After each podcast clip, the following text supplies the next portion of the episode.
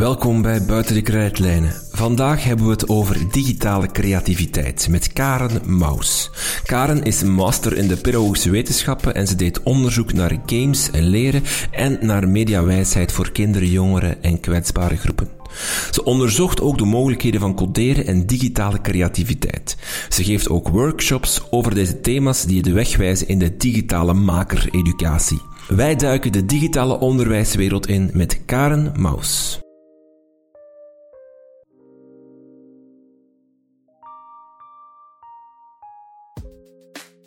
Dag Karen, ehm, we gaan het hebben over eh, digitale creativiteit uh, en al de technologische dingen die erbij komen. Ik zou graag willen beginnen met een, een, uh, een quote die ik gevonden heb op, op je website. Je zegt daar, technologie is overal en heeft soms de boel zelfs wat overgenomen. We swipen zonder erbij na te denken en kijken uren per week naar YouTube. Die eerste zin, technologie heeft ons soms een beetje overgenomen. Hoe, hoe zie je dat of hoe, hoe, hoe, ja, hoe ga je ermee om? Um, ik heb vooral de laatste jaren gemerkt dat, dat heel veel van de technologie een soort zwarte doos, een blackbox is geworden. We gebruiken de apps constant. Uh, bij volwassenen gaat het dan misschien eerder over professionele apps, maar bij jongeren is ja, die in een, in een Instagram en een TikTok, dat loopt allemaal door elkaar. Maar ze weten niet hoe het werkt, wat erachter zit. Um, en er zijn ook wel een hele groep jongeren die zeggen van ik wou dat ik het gemakkelijker kon uitzetten. um, het is ook gewoon onvermijdelijk geworden. Ehm, als je niet mee bent met technologie, je hebt geen smartphone, je zit soms echt in de problemen. Um, en dat vind ik soms wel een lastige. Ik vind dat enerzijds heel leuk dat er zoveel mogelijkheden zijn. En anderzijds heb ik het gevoel dat er heel veel mensen het gewoon niet meer in hun eigen handen hebben. Um, en daardoor het gevoel hebben van ik ben de controle niet kwijt. Of mijn kind is de controle kwijt. Of mijn partner zit veel te veel op zijn gsm en ik snap niet waarom. En, um, ik denk dat voor een groot stuk dat dat komt omdat we gewoon, ja, we zijn bezig met apps die, die draaien, die doen hun job, die doen hun job goed, die maken het ons gemakkelijk, die maken ons leven leuk. Maar we weten niet hoe die eigenlijk werken, wat daarachter zit. Uh, die algoritmes die erachter zitten.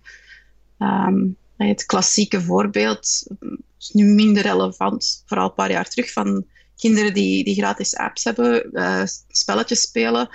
En ineens komt er de welgekende visa-rekening binnen. en dat is gewoon omdat niemand dat door had van, oh, dit is ook een mogelijkheid. Um, het is eigenlijk zelfs een businessmodel, maar dat wordt ons niet op voorhand verteld.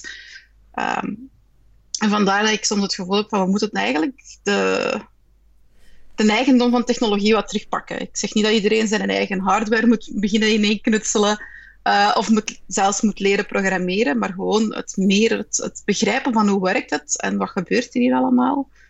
Dat dat, dat eigenlijk wel heel veel voordelen kan hebben, zeker naar gevoel van controle. Um, ja, uh, vandaar. Als je technologie nu zou, het is misschien een zwart-wit vraag hoor, maar, maar als je zou moeten catalogeren onder goed of, of slecht, um, waar zou je dan het, het meest bij plaatsen? Het is, het is genuanceerd natuurlijk, hè? het heeft goede en slechte kanten, maar, maar uh, het, het, het, is wel een heel dubbel verhaal. Hè? Je hebt heel veel positieve dingen, maar tegelijkertijd de, de, de nadelen of de dingen die erbij komen, die je erbij moet pakken vaak, die lijst wordt ook wel heel lang. Ja, ik zit meer aan de positieve kant. Um, ik ben er echt van overtuigd dat we met digitale technologie, maar ook nog met wat ondertussen al oude technologie wordt genoemd, uh, van tv, radio, kranten. Maar nu, ik focus mezelf meer op het digitale, dat we er keihard goede dingen mee kunnen doen. Um, er zijn altijd valkuilen. Um, die zijn er altijd geweest, die zullen er altijd zijn. Ze zijn nu gewoon ja, een beetje schaalvergroot, bijvoorbeeld het privacyprobleem. Ja, we hebben dat nog nooit op zo'n grote schaal meegemaakt. Het is nog nooit mogelijk geweest om mensen zo gemakkelijk te volgen. En we zijn heel snel gegroeid technologisch.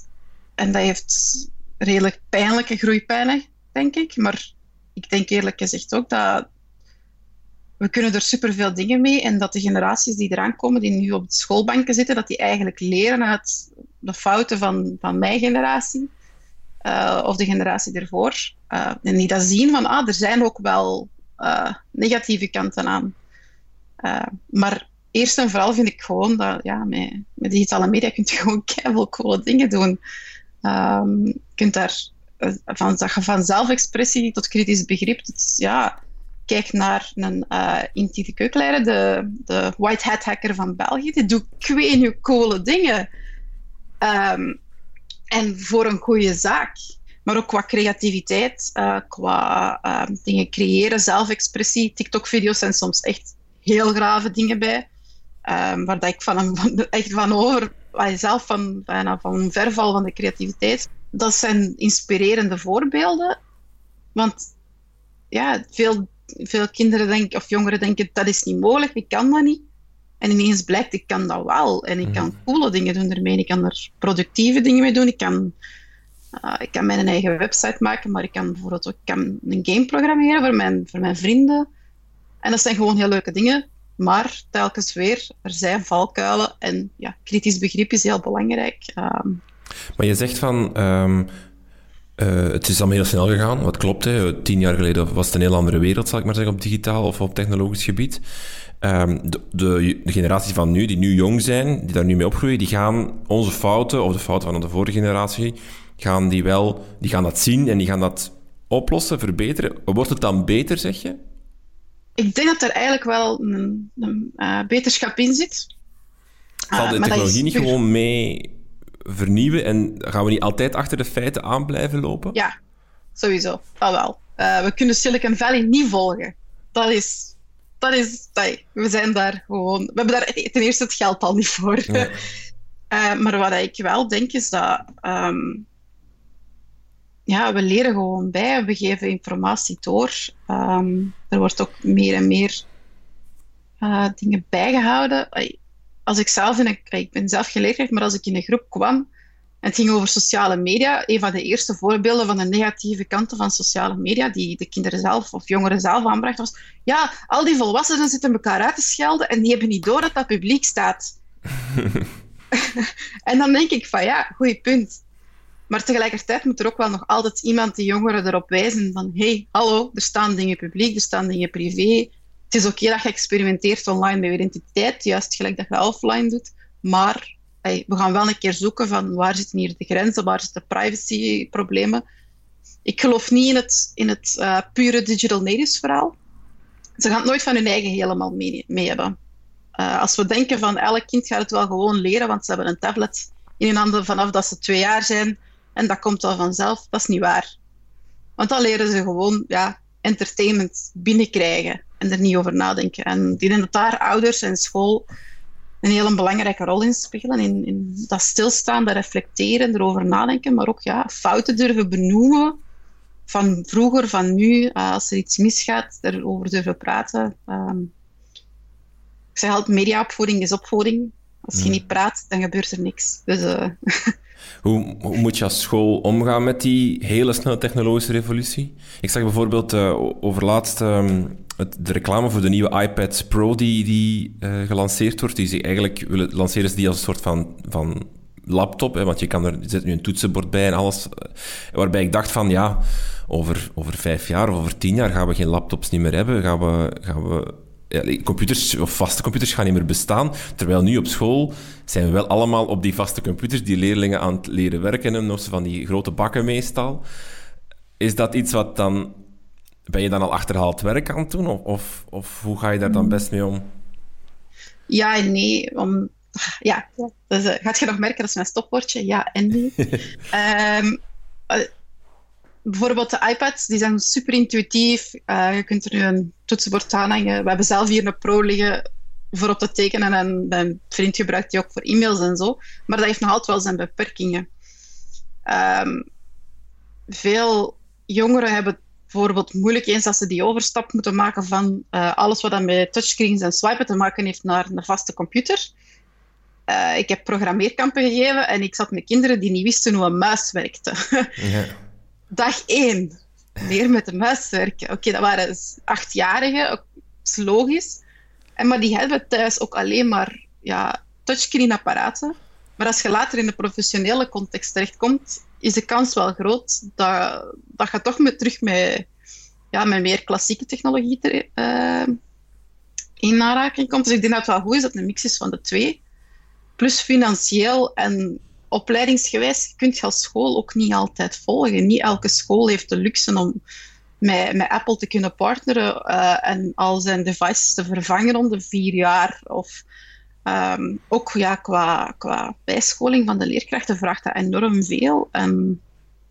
Maar het is wel zo dat, dat apparatuur altijd eh, verandert. De, de iPad kan nu al veel meer dan hij vroeger kan.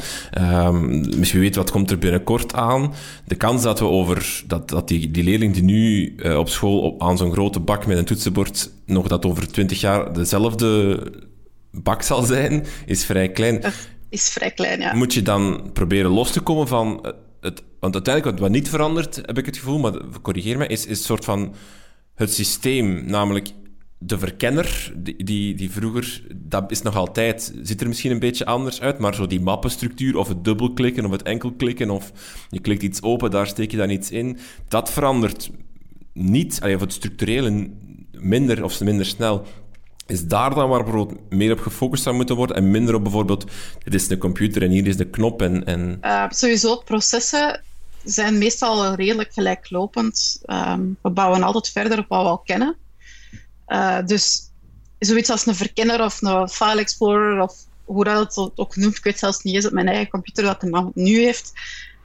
Dat zijn dingen die altijd gaan terugkomen. Um, het systeem bijvoorbeeld van de cloud gaat ook altijd blijven terugkomen totdat ze weer natuurlijk iets nieuws bedenken, maar het gaat wel een heel gelijkaardige uh, impact hebben op uh, dingen. Is het um, allemaal wel, want de structuur en processen zijn hetzelfde gebleven, zeg je?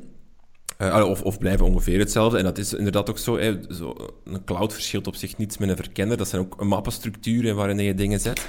Maar um, het hele technologische gegeven, met bijvoorbeeld al die valkuilen erbij komen, heb ik wel het gevoel, is wel heel complex geworden. In de zin van um, bijvoorbeeld sociale media of Instagram of al die dingen. Dat er zit een heel toffe kant aan. Maar er zit ook een hele grote valkuil aan. En dat is zo bij alles zo, dat, dat het allemaal... Ook voor scholen bijvoorbeeld, hè, je wilt, je wilt uh, een digitale omgeving creëren. Je denkt dan, ah, ik neem Google. Oh, maar dan komt heel dat privacygegeven daarbij. En moet je daar weer mee nadenken. Je hebt dan bandbreedte en weet ik veel wat allemaal. Het, is het uh, is het echt heel veel complexer geworden of maken we het in ons hoofd gewoon soms zo, complex? Ik denk dat het altijd al complex is geweest. Um, de eerste keer dat een computer binnenkwam op een school, dat er ook geflipt werd. Maar het, de, de always on, always connected uh, modus waar we nu in zitten, maakt het wel moeilijker, omdat er gewoon ja, uh, kijk puur naar ja, de GDPR-wetgeving, die maakt het allemaal heel complex en die is nodig. Ik ben, er, ik ben fan van eh, wetgeving op dat vlak. Uh, maar het maakt bijvoorbeeld voor scholen het heel moeilijk van welk platform gaan we gebruiken. Um, een voorbeeld te geven, Zoom was heel populair, heel gebruiksvriendelijk. Wat komt er nu uit? Ja, eigenlijk is het niet zo privacyvriendelijk. Um, het is ook gemakkelijk hackbaar ja, op die moment moet je op zoek naar alternatieven, maar je moet ook de, de ruimte en de middelen hebben om, om, en de tijd om te zoeken naar die alternatieven en alles te gaan uitzoeken. Um, gelukkig zijn er op dat vlak wel redelijk wat initiatieven in België, gelijk ja, een mediawijs, um, die dat proberen daarin ondersteunen, heel veel materiaal ter beschikking stellen voor scholen, um, die ook de mediacoachopleiding hebben, uh, om ja, iemand in, in elke school te proberen of in een bibliotheek mensen te hebben die, ja, die op zijn minst toch al een beetje meer achtergrond hebben, die bijvoorbeeld rond sociale media wel echt beter weten waar dat ze het over hebben qua, uh, qua ja, uh, identiteit en privacy, qua sharing mogelijkheden, maar ook qua ja, waar moeten we voor opletten, wat zijn die valkuilen. En dat helpt denk ik wel heel veel om, om, om zo'n paar mensen in je school te hebben die zeggen van oké, ik ben daar wel mee mee. En ik wil de rest van mijn team daar wel in ondersteunen, want anders wordt het echt heel moeilijk. Um, en ik merk, ja, als ik bij scholen kwam, um, ik merkte altijd hoe, hoe, lastig dat soms was voor leerkrachten. Als er iets nieuw bij kwam, digitaal, van, wat ga ik hier nu mee doen? Dat geeft mij extra werk, ik weet niet dat ik daarmee moet omgaan. Is dat wel veilig voor mijn leerlingen? Ga ik daar niemand mee uitsluiten? Het is gewoon altijd een denkoefening. Ik ben een grote fan van technologie. Je kunt er heel veel coole dingen mee doen, maar je moet er wel bewust mee omgaan. En ja, juist zoals bij, denk bij elke vernieuwing vraagt dat wel veel tijd en energie. En zie je dat, dat dat voldoende gebeurt, het bewust omgaan met technologie? Ik, ik denk bijvoorbeeld maar eh, inderdaad die privacy-issue. Ik kan me wel voorstellen, zeker ook als ik naar mezelf kijk, dat dat vaak iets is waar ik achteraf of uh, als ik er eens dieper over nadenk, bij nadenk van ja, we hebben eigenlijk die website gebruikt en dan moesten ze allemaal een Google-account maken of weet ik veel wat voor account maken. Ik heb eigenlijk niet gecheckt hoe privacy, allee, welke gegevens worden daar nu uitgetrokken van mijn leerling of van mij. Denk je dat er al voldoende know-how is onder leerkrachten of onder uh, schoolmakers om met dat soort dingen bezig te zijn? Ja, ik denk dat er wel, um, er wel heel veel kennis aanwezig is. Um, het, is ook een kwestie van die verspreid te krijgen. Um, nu, en ook niet onderschatten, Apple en Google die hebben, en Microsoft hebben allemaal hun educatieve uh, online omgevingen. En die zijn heel gemakkelijk.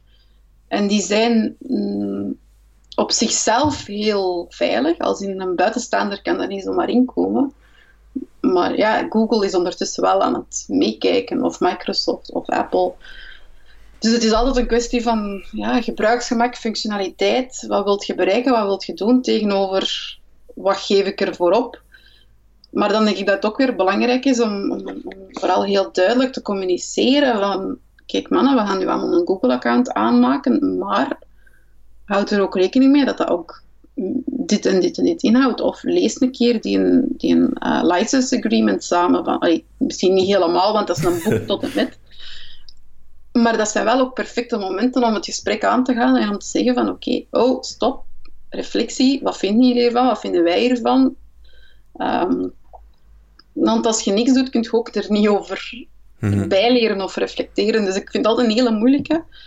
Maar zou jij een school aanraden, stel dat zij jou vragen van uh, we zouden met Google Suite willen werken volledig, uh, alles daarop zetten. Zou jij zeggen van ja, doen, want het is heel gemakkelijk, het is een goede omgeving, uh, super vlot. Of zou je zeggen, oh, niet doen, want puur privacy gewijs is dat niet oké? Okay? Ja, ik vind dat een hele moeilijke um, eerlijk gezegd, ik zou zeggen, doe het, maar werk met bijvoorbeeld gegenereerde uh, e-mailadressen. Um, scholen kunnen dat heel gemakkelijk, ja, um, die, uh, in die suite zit dat ingebouwd, dat je heel gemakkelijk e-mailadressen kunt genereren met klas, nummer. Dus er zijn altijd mogelijkheden ingebouwd om het weer terug privacyvriendelijker te maken. Nu bijvoorbeeld bij een Google is ook um, hun business suites, hun educatieve suites, de betalende producten. Daar betaalt je ergens ook om minder bekeken te worden. Dus mhm. ze beloven daar wel van, oké, wij zijn wel compliant, allee, wij, wij, houden ons wel aan de Europese regelgeving voor scholen, voor dit en dat. Maar zet er dan misschien ja, gewoon geen te gevoelige informatie in. Um, ik zou het niet volledig afraden, want het, het kunt er fantastische dingen mee doen. En of het nu over Google of Microsoft of Apple gaat, of over zelfs een, een derde partij-app. Je moet niet altijd het kind met badwater weggooien. Je moet gewoon dan gaan kijken van oké, waar, zit uh, waar zitten de problemen en hoe kunnen we daar creatief mee omgaan. Kunnen we um, zelf misschien met een soort uh, uh, anonimisering gaan nooit helemaal lukken, maar pseudoniem gaan werken voor de leerlingen. Um, Hetzelfde is bijvoorbeeld met uh, lagere scholen. In de lagere jaren krijgen ze bijvoorbeeld een bingo-account of ze krijgen um, voor een online platform een account. Maar ja, het, het, e-mailadres en het wachtwoord daarvan, de login onthouden, dat is altijd heel moeilijk. Dus elk kind krijgt een briefje mee met dat wachtwoord op, of heel de klas heeft hetzelfde wachtwoord. En dan is het ook weer een kwestie van hoe gaan we daarmee om? Hoe gaan we daar oplossingen voor zoeken? Ehm, en ook direct dat gesprek aan te gaan van een wachtwoord. Wat is dat? Waarom is dat belangrijk? Waarom is dat belangrijk dat, uh, dat uw klasgenoot niet per se in uw, in uw mailbox kan? Uh, want je hebt heel veel kinderen die zeggen dat is toch niet erg. Ik deel mijn Instagram-account hm. ook met een vriendje. Maakt toch niet uit. Um, ik heb niets dus te verbergen. Dan... ik heb niks te verbergen. Of, nou, dat is gewoon leuk. Maar dat zijn gewoon gesprekken die je hebt van, oké, zo wat. Ehm, wat betekent dat dan voor jullie? Wat, wat vinden wij daarvan? Want ik ben er ook van overtuigd, het hoeft niet alleen maar een infodump te zijn van pas op, pas op, pas op. Of dit zijn de regeltjes voor een veilige account. Of, ik, ik denk dat het echt wel een, een gesprek moet zijn Ehm, ik denk vanaf dat je in, in een eerste middelbaar zit, gaat je minstens twee, drie leerlingen hebben in je klas die al iets hebben meegemaakt op sociale media dat ze echt niet leuk vonden. Um, gaande van, van ja, mijn, mijn wachtwoord is gestolen geweest en ze hebben iets op mijn timeline geplaatst. Ik heb foto's gekregen dat ik niet leuk vind. Um, of er zijn foto's van mij gedeeld geweest dat ik eigenlijk niet wou delen. Dus dat gesprek kun je altijd wel aangaan en, en luister toch zeker naar je leerlingen, want mm die, ja, die hebben meestal wel al iets meegemaakt of een vriendin heeft iets meegemaakt. Of... Ja. Dat gaat eigenlijk over, over mediawijsheid, waar ik het gevoel heb dat deze dagen heel veel aandacht uh, voor is. Of dit, deze, uh, sinds een paar jaar of zo. Hè. De scholen zetten daar heel erg op in. Uh, worden lessen rondgegeven rond fake news, cyberpesten, sexting, al die dingen. Um, wat ik soms een beetje het idee heb, want, ik denk niet dat je daar te weinig lessen rond kan geven of te weinig aandacht aan kan geven. Zeker in tijden waarin dat sociale media zo belangrijk zijn of zoveel impact hebben. Maar wordt het soms niet te vaak dan allemaal een soort van negatief gebeuren? Het, het, het is, lessen rond sociale media gaan vooral over wat zijn de gevaren van sociale media. Uh, lessen rond, rond privacy gaan altijd over, of, of, privacy en technologie, over oh, technologie breekt in en op onze privacy. Het is altijd wel zo'n soort van negatief kantje aan. Uh, ja. Vind je dat ook? Of, en is dat te veel of te weinig? Of? Ik denk dat dat een, een dun koord is om op te wandelen. Um, de lespakketten die ik ken, proberen meestal wel een mix te maken van de twee. Bijvoorbeeld als het gaat over sociale media, gaat het ook over welke leuke dingen kun je ermee doen. Uh, identiteitsvorming. Uh, ja. Maar ze kunnen de negatieve kanten niet vermijden, punt. Uh, ze moeten die bespreken. En het is dan heel moeilijk om daar niet in door te slaan.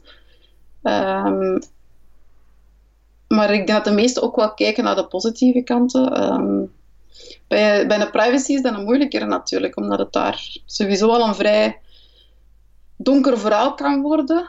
Um, daar zitten ze dan, de positieve kant is dan meestal eerder van oké, wat kun je nu zelf gaan doen? Um, welke, ai, wat zijn nu creatieve oplossingen? Wat zijn oplossingen die wij hebben? Um, dat, dat kan gaan van heel simpele dingen tot, tot heel is wel echt heel creatieve dingen. Van mm. De leerling die gevonden heeft van, oh, ik kan eigenlijk wel mijn locatie uh, uh, met een VPN kan ik doen alsof ik in China zit. En dat, dan weet niemand waar ik ben. Ik vind dat wel gemakkelijk.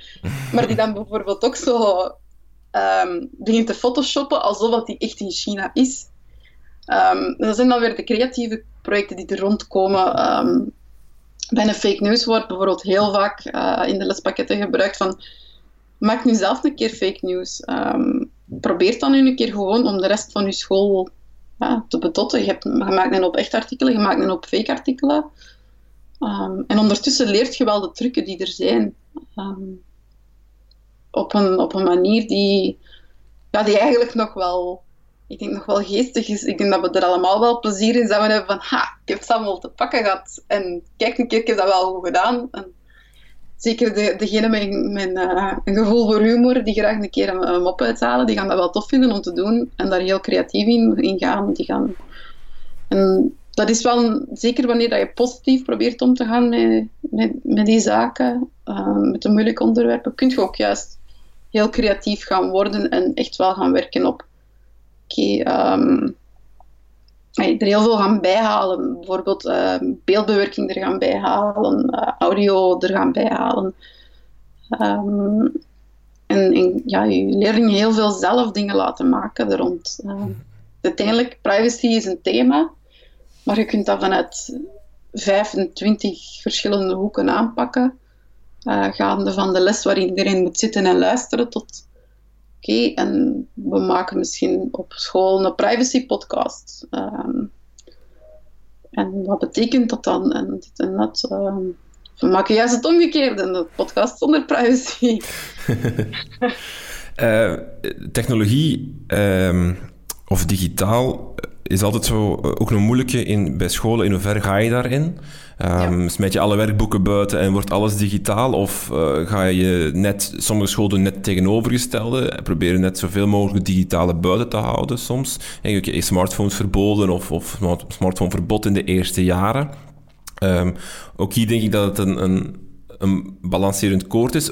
Waar sta jij? Ben jij iemand die zegt van technologie zou in elk vak aanwezig moeten zijn, al was het maar op een basic manier? Of is het iets wat toch voor moet oppassen dat je niet overdrijft en dat het niet de overhand krijgt? Of, of... Ik denk dat de technologie in elk vak aanwezig kan zijn, maar niet moet. En ook niet per se elke week. Uh, ik denk dat het overal kan ingezet worden. Uh, gaande van taallessen tot wiskundelessen. Ja, ik ken zelfs mensen die het bij gebruiken. Maar, maar, is het nog opportun om bijvoorbeeld het niet te gebruiken? Om te zeggen, ik gebruik geen technologie in mijn lessen. Niets. Het is hier nog gewoon aan het bord met krijtje. En, uh, en, en, dan wel leuke werkvorm of zo, maar geen technologie. Want het is toch alleen maar... Ik kan me er wel voorstellen, ja, als leerkracht zegt, het is toch alleen maar gedoe. Het werkt een helft van de tijd niet. Het is met privacy en dergelijke. Het is, het is altijd gezever. Ik doe het niet. Is dat Snap nog... Dat ook. Ja. Snap dat ook, maar dan denk ik ook van... Boeken en een bord zijn ook technologie. ja. dat is analoog, maar het, ooit is daar ook op, op gebashed geweest van het papier ging de ondergang zijn van de kennis van de leerlingen. Um, dus ik heb daar eigenlijk absoluut geen probleem mee als een leerkracht zegt van in mijn klas eigenlijk liever niet of heel beperkt. Of als we het een keer doen, dan komt de, um, de ICT-coördinator of misschien de mediacoach op school, die komt helpen. En dan doen we dat wel een keer. Maar ik heb daar eigenlijk geen problemen mee als de leerkracht zegt van dat is mijn ding niet. Ik voel me daar eigenlijk niet oké bij. Um, want het jaar daarna hebben ze weer een andere leerkracht, of ze hebben voor elke, elk vak een andere leerkracht in het middelbaar. En ze komen daar dan op die manier wel in, mee in contact. Um, natuurlijk, als er een aantal uh, vaardigheden, uh, kritisch inzicht in de eindtermen staat, dan kun je er niet onderuit. Um, daar moet je wel mee omgaan. Maar dan raad ik vooral aan, zie daar dat je ergens hulp kunt inroepen. Is het niet van je medeleerkrachten, is het van een ouder? Of, um, want ik, ik, ik, vind het perfect oké als een leerkracht zegt van, oh, rustig, kalm. Dan is dat ook gewoon een keuze. Um, en ik zou... Ik ben de eerste om te zeggen van, gooi alsjeblieft het papier niet buiten. um, om een voorbeeld te geven, ik heb zelf ADHD. Als ik zelfs een hele dag alleen maar via schermen leer, is de helft weg, want ik ben afgeleid. Um, bij een boek ben ik ook afgeleid regelmatig, maar ergens dat, dat fysieke, dat schrijven vooral, um, dat heeft nog dat motorische van, dat heeft toch nog altijd wel ergens, dat houdt uw aandacht erbij. En dan, dan, dan is de technologie, de digitale technologie, is een aanvulling. Op het moment dat je meer wilt gaan opzoeken, um, dat je iets wilt maken, dan komt dat er weer in aan te pas. En ik denk dat het vooral de, de wisselwerking is tussen de twee dat het heel sterk maakt. Um, ik weet niet meer van wie de quote kwam, maar het ging over, over games in het onderwijs. En die zei van ja, digital games are just another tool on the pedagog pedagogical shelf. Dus hey, je, hebt een, hebt een kast met al je pedagogische tools en elke digitale tool staat daar gewoon in en je gebruikt die wanneer, dat, wanneer dat die meerwaarde heeft voor u. En als dat als leerkracht geen meerwaarde heeft, of je merkt voor mijn klas heeft dat geen meerwaarde, dan laat je die staan. Um, ik vind dat wel heel belangrijk dat leerkrachten ook die keuze mogen maken van ja, soms is het ook oké om even op de rem te gaan staan en te zeggen nu even niet, nu even geen, geen digitale technologie. Volgende week, volgende maand, volgend jaar wel. Maar nu gaan we het even op deze manier doen. Um, dus ja, ik, ik ben daar... Um, ik vind dat moeilijk om daar zo een, een iets extremere positie in te nemen, mm omdat ik... Ik kan me niet vinden in de technologie lost alles op kant. En ik kan me ook niet vinden in technologie is, is onze verdoemeniskant. Ik denk dat we sowieso ergens in het midden moeten zitten. En iedereen zit ergens op die schaal. Um, ik vind er zijn super veel inspirerende leerkrachten en pedagogisch beleiders die keigrave dingen doen met digitale technologie, maar zet, bij de, zet dat bij de verkeerde leerkracht in de verkeerde klas en dat loopt gewoon fout. Dus het is altijd kijken van wat is goed voor mijn groep en waar voel ik mij als leerkracht comfortabel bij. Um, en ja, wat, wat, merk ik dat werkt en dat een meerwaarde kan geven. En mm dan heb, houd je ook ademruimte over voor experimenteren. Mm Want als je al heel de dag, het zit altijd tot over je hoofd, uh, omdat je te veel tools moet gebruiken die opgelegd worden, dan gaat je niet meer experimenteren, want je hebt geen, je hebt geen ademruimte meer.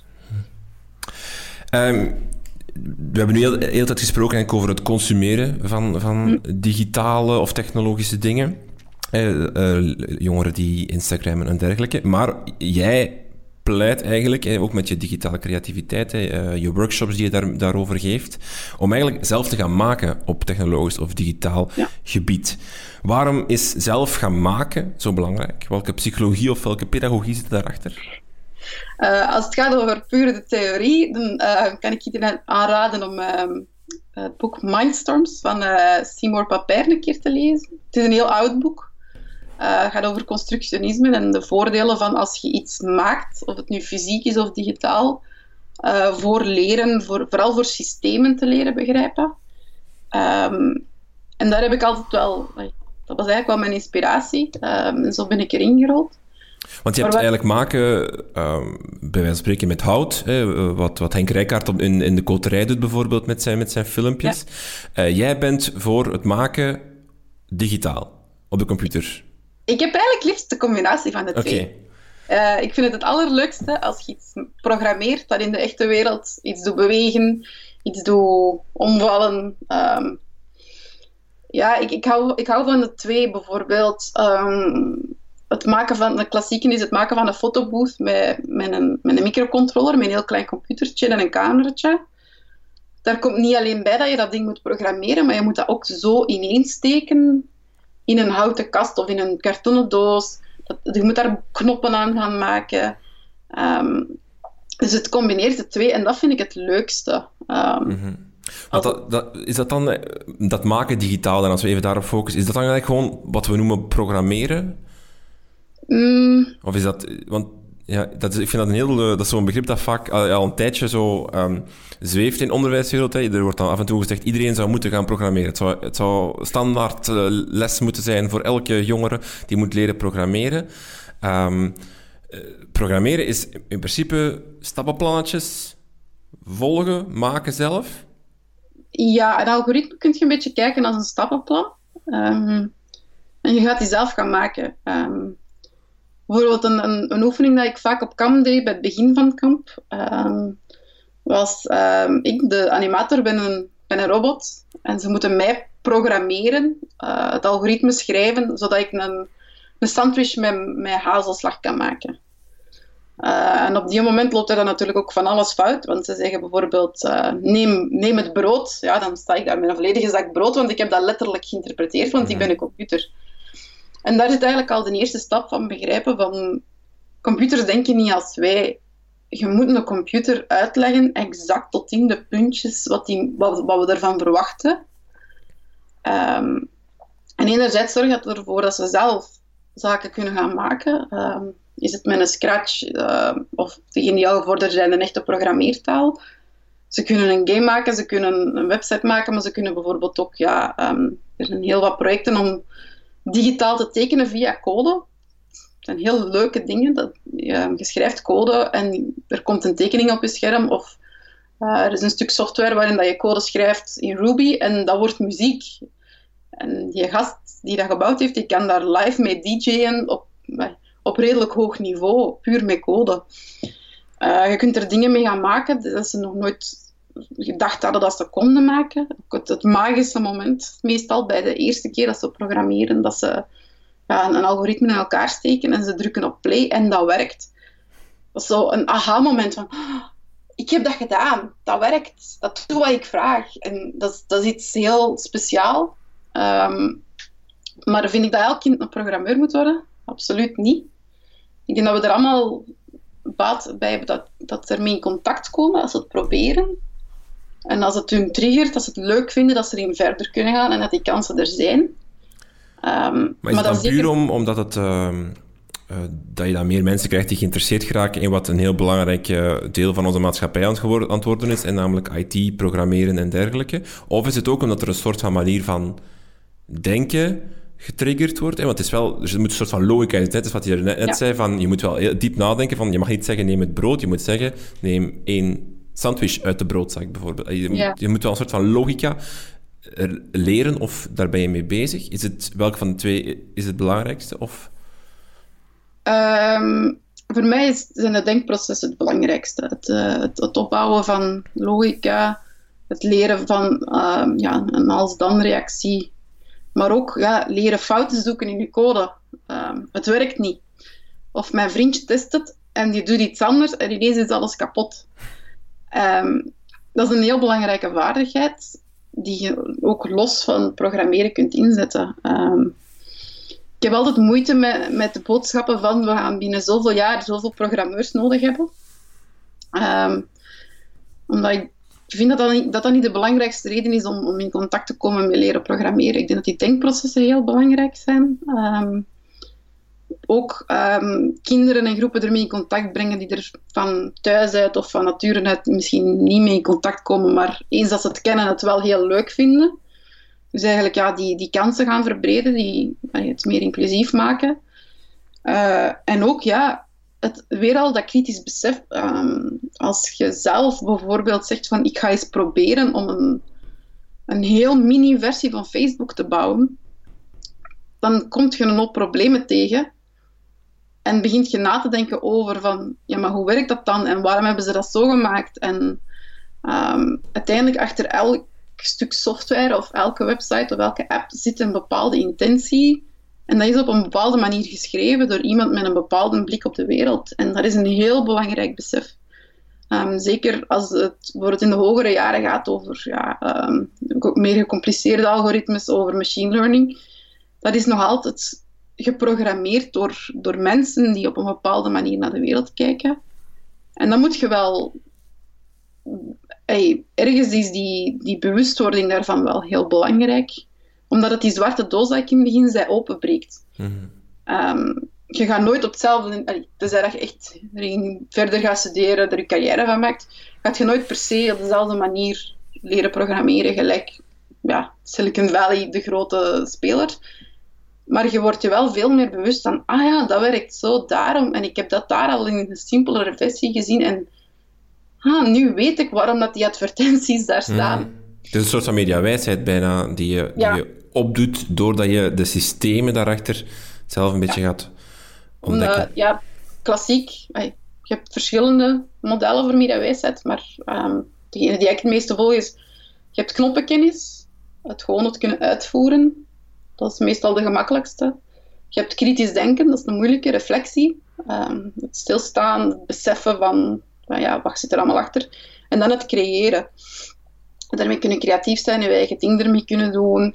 Um, bijvoorbeeld ook uh, wat uh, Mitch Resnick van MIT remixen noemt. Een project bijvoorbeeld dat iemand anders met Scratch gemaakt heeft. Um, daar, dat, dat gaan aanpassen, je eigen ding mee gaan doen, iets heel cool mee gaan maken en dat dan weer te delen. Dat wordt bij Scratch ook heel erg aangemoedigd, zolang dat je maar goed verwijst naar de originele persoon die het gemaakt heeft. Um, maar dat, dat creëren, maar ook dat remixen, dat is eigenlijk een heel goed ankerpunt voor die kritische reflectie. Omdat ze bijvoorbeeld dan, om terug te gaan naar het fake news gegeven, als je zegt van we zijn een fake reportage aan het maken, dan gaat je in contact komen met portretrecht, je gaat in contact komen met privacy, je gaat in contact komen met ah ja, maar ja, ik kan die beelden bewerken, zodat dat er hier helemaal anders uitziet. En als ik dat stuk eraf knip, dan wordt het een veel donkerdere foto.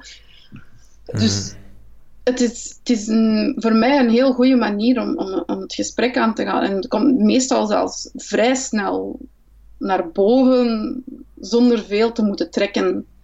Ehm, terwijl als je gewoon voor de klas gaat staan en je zegt van... Kom mannen, we gaan het vandaag hebben over uh, portretrecht. Ik weet niet of er veel respons gaat komen. Maar als je begint met van... Oké, we gaan proberen een reportage te maken. Of we maken een, een app met foto's Ehm, dan kom je automatisch problemen tegen of, of, of, mogelijkheden. Het gaat niet alleen over de problemen, het gaat ook over, over coole mogelijkheden. ah, ik, kan, ik heb hier een, uh, een stuk uh, code gevonden dat Google kan afzoeken naar alle foto's van honden. En die dan verzamelen. Maar ja, niet al die foto's zijn auteursrechtenvrij. Dat maakt het weer gecompliceerder. Dus op die moment kun je erover gaan praten. Dan, ja, maar die persoon vindt dat misschien niet oké dat je zijn foto leent. En zo kun je weer verder gaan. Um, en voor mij voelt dat aan als een veel natuurlijkere manier om, om, het gesprek en de kritische reflectie op gang te brengen. Gaat dat altijd even succesvol zijn? Nee. Want ja, vanaf dat je creatief bezig bent, weet je niet wat de uitkomst gaat zijn. Want je spreekt op je website ook over zoiets als, als maker-educatie. Is dat fundamenteel anders dan, dan... Is dat echt iets specifiek?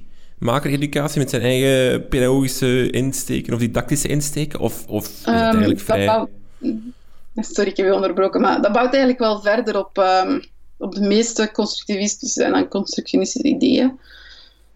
Wat dat dan vooral doet, is ehm, heel veel ruimte laten voor verschillende dingen om te maken. ehm, waardoor het niet altijd past in het klassiek onderwijs. Omdat ja, je hebt tijdsgebrek, hebt... wat- nee, het, het vraagt gewoon wel wat tijd. Uh, het kan, op heel veel plaatsen wordt het wel gedaan en doen ze het heel goed. Um, maar het is vooral nog iets dat buiten de school via workshops gebeurt. Mhm. Um, en ik vind dat vrij boeiend, omdat je hebt eigenlijk ja, twee manieren om dat aan te pakken. Enerzijds van ja, we beginnen met de tutorials en ze maken allemaal hetzelfde. Maar dan nog ga je heel veel verschillen zien. Um, of we laten de ideeën vanuit de kinderen komen en het meer het, uh, het soort open fablab idee van ze komen naar hier en ze maken waarin dat ze geïnteresseerd zijn. Um, maar dan krijg je natuurlijk wel alleen de meest gemotiveerde leerlingen mee. Um, terwijl je misschien ja, dan kansen mist bij andere leerlingen. Dus is daar een beetje een, een, zoektocht tussen uh, hoe ga je dat doen. Um, het belangrijkste bij, ja, bij, bij maker education, bij maker-educatie, is dat het echt wel gaat naar ik, ik ga iets maken en ik ga dat delen. Ik ga, ja, ik, beetje de, de Henk Rijkaard mentaliteit van ik heb een cool idee, ik wil um, met een schop een helikopter maken.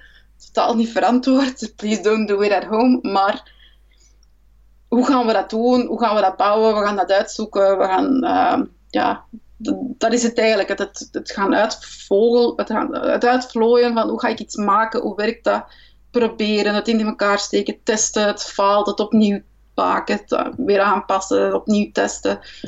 Um, dat vind ik wel leuk aan Henk zijn video's. Je ziet het ook wanneer dat mislukt.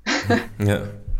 Als hij uh, met een hamer op zijn hand laat, ja, je merkt het, hij steekt dat niet weg. Um, is dat essentieel aan, aan maker-educatie, namelijk het, het falen, het, het, het, het, lukt niet en dan gewoon, ofwel het, het, het is zo en dan heb je wel toch heel veel geleerd, of het is niet gelukt, oké, okay, ik moet het anders gaan doen? Um, ja, het falen leert gewoon heel veel. Ja. Um, ten eerste leert je misschien waarom het niet werkt en hoe het misschien wel kan werken, maar ook gewoon ja, het, daarbuiten zelfs nog uh, breder het leren omgaan met frustraties. Um, meer zelfregulerend dingen gaan opzoeken, gaan uitzoeken, hulp vragen. Um, dat zijn allemaal vaardigheden die daarachter liggen en die heel veel aan bod komen. Um, maar ook ja, het, het, het, falen en aanpassen zit heel erg in het, in, in het designproces. Dat, dat, ja, dat, dat je later misschien ook nog nodig hebt, afhankelijk van wat je wilt doen. Maar of dat je nu, als je bijvoorbeeld illustrator wilt worden, je wilt graag tekenaar worden, gaat je dat proces ook doormaken. Van, ik wil iets maken, maar dat lukt mij niet, dus hoe ga ik het dan aanpassen? Ah, ik ga misschien eens opzoeken op YouTube hoe iemand anders gedaan heeft, totdat je uiteindelijk ergens komt waar, dat je, waar dat je wilt zijn. Um, anderzijds ook um, kinderen die zeggen van, op kamp van ik wil in één week tijd um, een gigantische voetbalgame, ik wil FIFA bouwen. Dan is het juist gaan zoeken van oké, wat is nu wat ik wel kan doen, want FIFA is te groot, maar ik wil wel een voetbalgame bouwen, dus waar geraak ik? Hoe ver kan ik gaan? Hoe ga ik dat aanpakken? Welk stuk ga ik eruit nemen? En uiteindelijk kom je misschien wel met een heel leuke penalty game uit. Um, maar dat denkproces is ook weer belangrijk. Van oké, okay, ik heb niet de middelen om het zo groot aan te pakken. Dus wat kan ik wel doen? Hoe ga ik dat aanpassen? Um, mm. ik, ik, vind het wel heel interessant om te zien, maar ik ben mij er ook heel hard van bewust dat het ook maar een, een deel is van, van educatie. Um, en dat het moeilijk is om toe te passen in een school, vooral. Um, Waarom? Omdat de, de tijd die je nodig hebt, de ruimte, de, de vrijheid. De... Ja, het vraagt heel veel tijd. Um, maar is het dat op zich niet waard? Jawel, voor mij wel. Maar als je onder druk staat, mm-hmm. gaat je soms op zoek. Het is niet de meest efficiënte manier van leren. Ik vind het een hele waardevolle manier van leren. Maar zie, je gaat soms het gevoel hebben dat je trager vooruit gaat. Ook al is dat niet per se zo, maar ja, het is, uh, het is ook niet altijd gemakkelijk om bijvoorbeeld projecten of uitdagingen te bedenken. Uh, wat heel veel gedaan wordt, is bijvoorbeeld dan als er rond ecologie gewerkt wordt, uitdagingen te bedenken van oké, we, gaan een, we gaan een slimme stad maken die, die energievriendelijk is. Dat proces in goede banen leiden vraagt ook wel heel veel heel veel energie en inzet van de leerkracht of van een team. Ehm, en dat is gewoon niet altijd haalbaar in de context waarin dat, er sowieso wel tijdsdruk is en de werkdruk hoog ligt. Mhm. Ehm, dus dan hoop ik dat, dat mensen van, van buiten het onderwijs daar een klein beetje mee kunnen bijspringen en zeggen: Oké, ik kan helpen. Um, ja, en ook de, de, initiatieven buiten de scholen, die, ik vind die ook altijd, altijd vrij waardevol. Mhm. Stel dat je als leerkracht toch wil, wil inzetten op die makereducatie en dan digitale makereducatie. Um, hoe begin je best? Is het bijvoorbeeld voor elke leeftijd? Kan je voor elke leeftijd iets bedenken? Lagere school, kleuterschool, hoger onderwijs, middelbaar onderwijs? Oké. Eh, en hoe, hoe start ik dan? je sprak al een paar keer over Scratch. Dat is um, een programma waarin je dingen kan maken digitaal. Um, ja, Scratch is op dit moment een beetje de gouden standaard van programmeren voor kinderen. Um, het is gemaakt aan MIT en dat is eigenlijk een Lego-doos online, of op uh, een digitale Lego-doos. En in plaats van code echt te schrijven, ga je uh, blokken in elkaar gaan klikken. Uh, bijvoorbeeld een, een als-dan-blok. als ik op de toetsenbord klik, dan gaat mijn ventje omhoog. Mm en zo gaat je eigenlijk een heleboel blokken aan elkaar klikken. Ehm, dat begint heel simpel, maar ik heb al heel complexe dingen gezien. Um, en wat is het voordeel daaraan? Meerdere dingen. Uh, enerzijds, ja, het bespaart heel veel frustratie van, um, van het coderen. als je echt Python of JavaScript of eender welke codetaal uh, bezig bent, zit je vaak met syntaxproblemen van ah, ik vind niet waar, waar de fout zit en dan blijkt dat je een woordje verkeerd geschreven hebt of je hebt ergens een punt komma vergeten. En dat leidt tot, ja, tot frustratie, maar ook op heel hard focussen op je syntax. Op, um, op exact welk woord heb ik waar nodig en minder op de denkprocessen van ah, ik, mhm. ga het bouwen. En Scratch neemt dat weg. Uh, anderzijds, wat is er ook een heel groot voordeel aan Scratch? Die zetten enorm hard in op tutorials, uh, zowel voor kinderen als voor leerkrachten. Die um, hebben een hele vertaalcommunity, dus het is ook in het Nederlands. Um, ze, ze maken er echt wel werk van om ervoor te zorgen dat het voor de leerkrachten gemakkelijk is om ermee te starten. Um, dat er echt genoeg handleidingen zijn van wat kan je doen, hoe pak je dat aan. tot en met, ja, wat als, je, als je niet genoeg computers hebt en je moet ze per twee, drie aan de computer zetten, hoe ga je dat dan modereren? Uh, paired programming noemen ze dat dan, samen programmeren, heeft zelfs nog heel veel voordelen. Ehm, maar ook uh, heel veel tutorials die kinderen zelf gewoon volledig zelfstandig kunnen doorlopen. Um, en heel veel, uh, een, een, heel, een heel sterke community. Daar staan ondertussen miljoenen projecten op. Um, de sterkste projecten worden meestal naar voren geschoven op de startpagina om te kijken van kijk wat deze persoon gemaakt heeft. Um, wat heel inspirerend werkt. Ehm, en je kan van elk project kan je gaan kijken naar de code, naar de blokken. Hoe, hoe zit dat in elkaar? Ehm, en dat maakt het juist heel leerrijk en heel gemakkelijk om verder te bouwen op het werk van iemand anders. Kinderen worden er ook aangemoedigd om zoveel mogelijk te documenteren hoe dat ze iets gemaakt hebben. Wat al een, een, heel moeilijk denkproces op zichzelf is. dus ja, het is is eh, op dit moment, ik denk, de best uitgebouwde tool die er is. Uh, het wordt ook heel streng gemodereerd. Er is een heel team uh, bij de Scratch Foundation die alleen maar bezig is met zorgen dat het kindvriendelijk blijft. Um, dat er geen zaken opkomen op de forums of bij projecten qua haatspraak of ongepast gedrag of wat dan ook. Die, zijn eigenlijk wel... dat is een van de betere voorbeelden dat ik al gezien heb. Um, zijn daar heel hard mee bezig. Ze moeten ook. Ehm, dus ja, voor, voor, zeker voor de lagere school zou ik zeggen, kijk naar Scratch. Ehm, kijk naar Hour of Code, het codeuur. Um, die elk jaar een nieuwe tutorial online zetten. Dat zijn tutorials met, op basis van, van populaire thema's. Minecraft, Star Wars, Frozen, um, die Moana erin zit. Um, dat is meestal een uur. Het is echt gewoon een uur. De leerlingen doorlopen dat, dat zelfstandig, ook in het Nederlands. Alleen de filmpjes die blijven in het Engels. Um, en na dat uur hebben ze wel degelijk allee, toch een, basis meegekregen. Uh, je kunt dat natuurlijk niet elk jaar met dezelfde groep herhalen. Want het is, het is weinig verdieping, maar het is wel een heel goede introductie.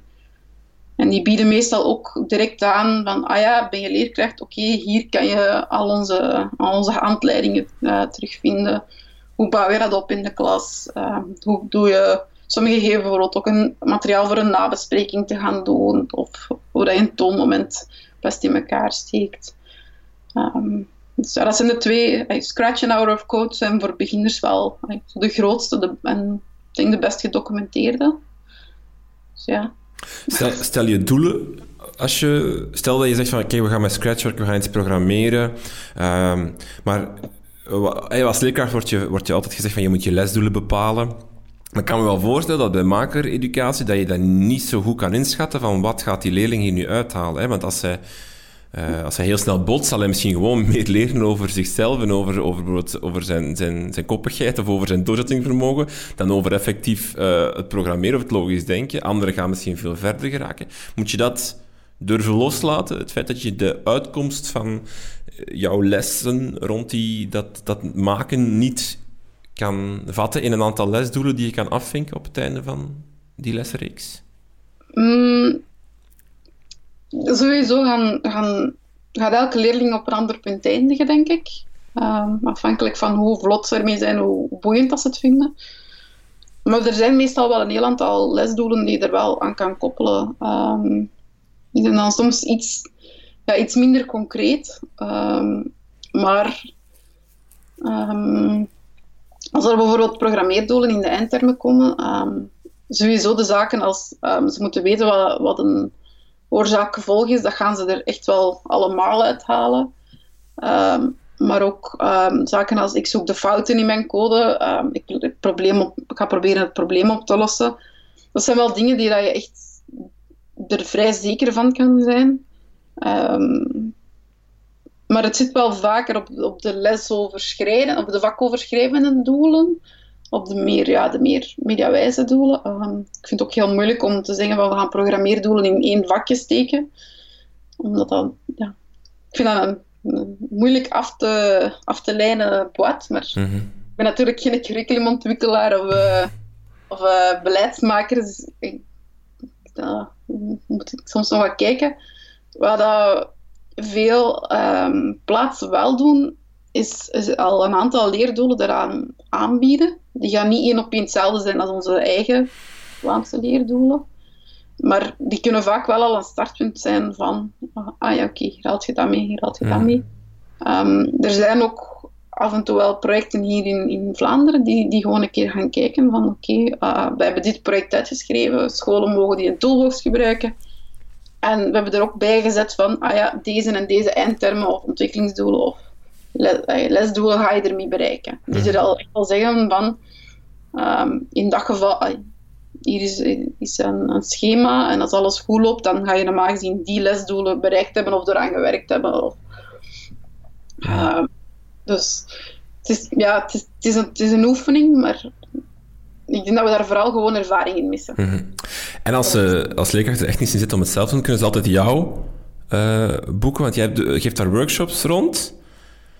Ja, ze mogen mij gerust bellen. uh, kan je eens even vertellen, wat doe jij in je workshops juist? Hoe ga jij te werk of wat, wat kunnen ze bij jou, wat voor workshop geef je? Um, ga ik even een paar verschillende. Um, ik heb een hele laagdrempelige waar zelfs geen computer aan te pas komt. Um, om een bibberrobot te bouwen, puur op basis van een motor, een batterij, het beweegt. Het is een vrij creatieve, vrij lage instapdrempel richting, ja, richting meer de elektronica kant.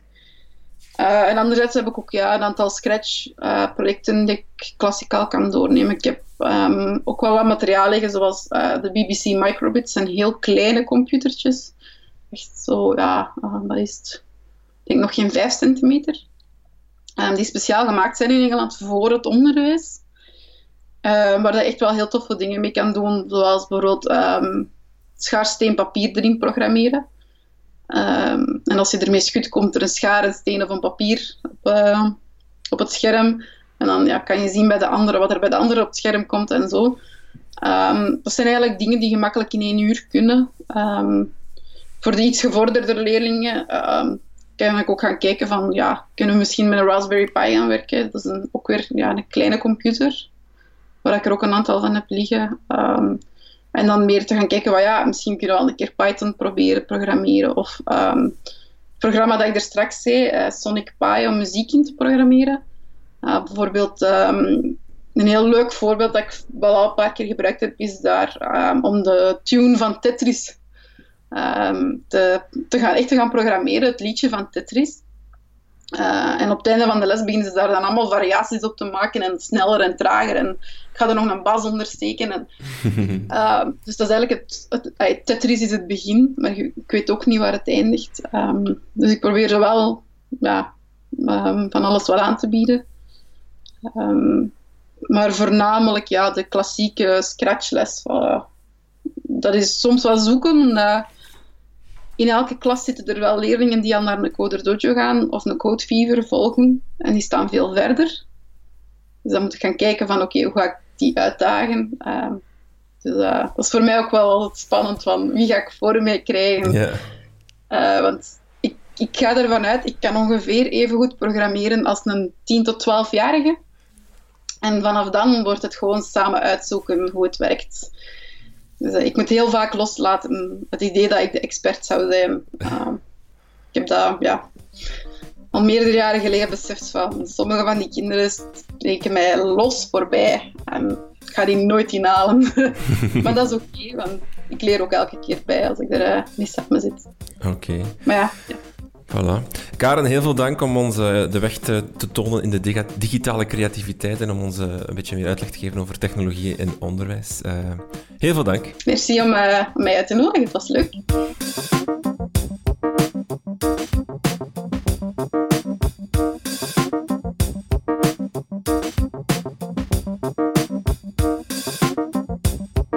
Dit was het voor deze aflevering. Alle links en tools die Karen vermeldt vind je terug in de show notes van deze aflevering of op www.dekrijtlijnen.be.